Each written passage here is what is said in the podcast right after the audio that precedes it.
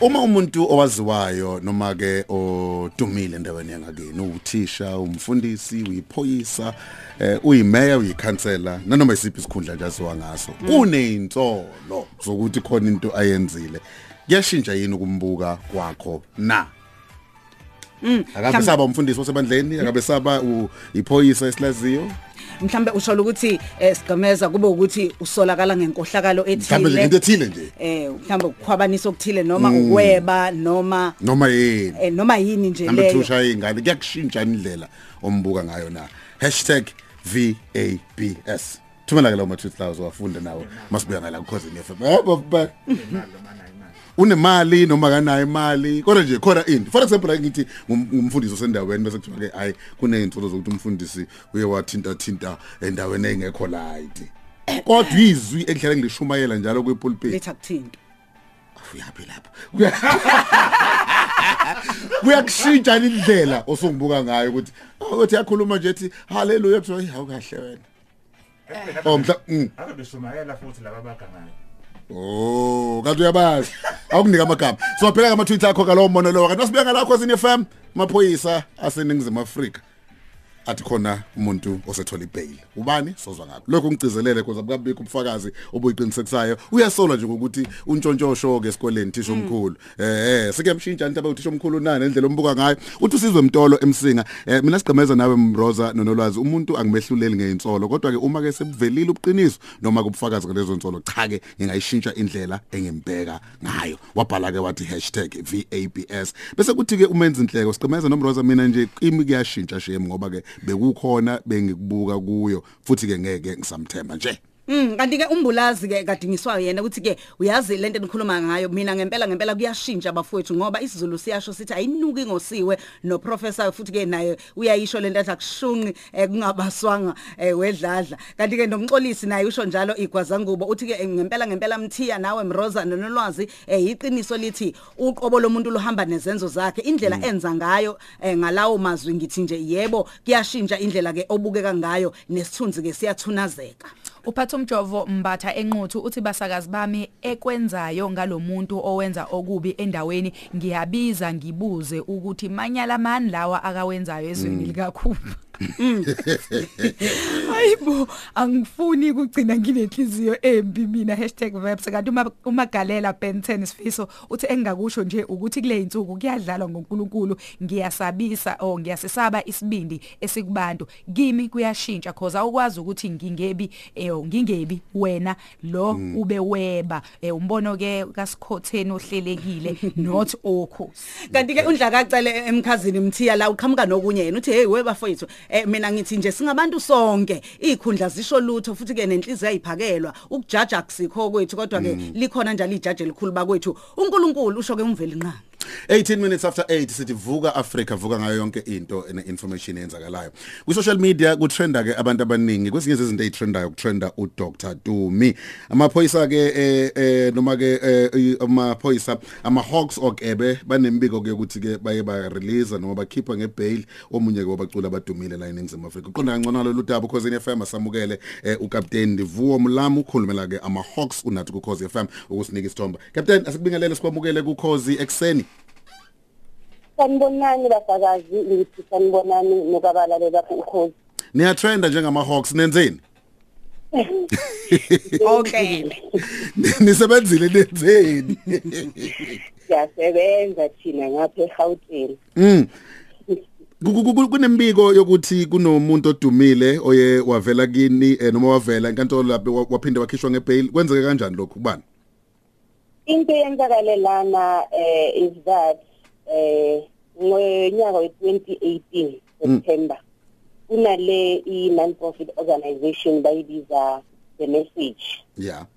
Eh kunalama committee members berathi bona bafuna uapplyela ama funds Mm. for i-project yabo nge-2018 kodwa ke kwabonakala ukuthi em imininingwane lebayifaka laphaya eh akusiya le non-profit organization asiya kwa eh the message.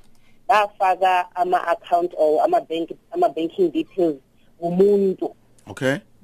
Kodwa base Nation- National eh, Lotteries Board eh fund bona lento ngalesi sikhathi mabafaka le 1.5 million abazange bayibona but isikhathi masihamba manje bayabona ukuthi eh ngathi la kunento esingayizwisisi.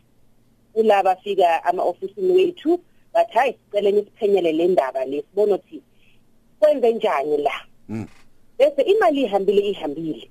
Last year November eh sabopha abanye eh babili uChristopher Chivule neThomas noThomas Ndaza. For yona le inkinga le fraud ba aba aba national lotteries bayiletha kuthi.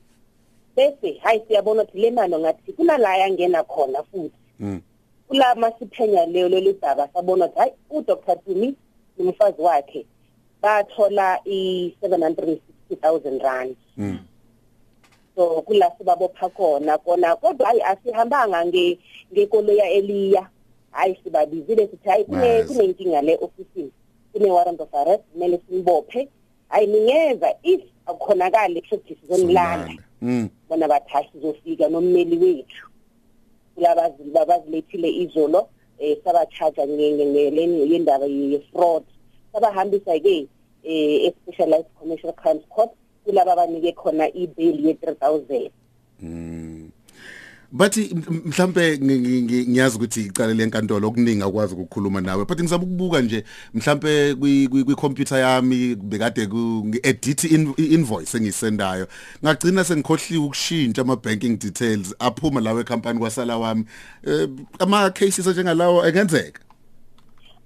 Khona kwenzeka but the moment wena uyithola ukuthi hayi ngathi la ngenze phutha yini ungasifoneli Mm. nabafu bakunikeza imali yini ungabhali i-email uthi hayi la ngathi kwenzekele phutha ngifake i-account number ithize Mm. instead of this one ukuthi bayilungise nabo angithi internal akudingi ukuthi indaba ifike la ifike khona if wa- wona wayibona eh, walibona iphutha lakho but ngeke sithi eh, laba bantu bona bamsulwa or bona bazibona ukuthi benze iphutha ngoba angithi akakathathi i-statement kubo confirming all these allegations so sizolinda until wonke umuntu abamnikeze ithuba lakhe al- ahlale lapha understand etrialini yakhe azochaza ukuthi yangena kanjani imali ku-account yabo imali bekumele isebenze ama-project athize Mm.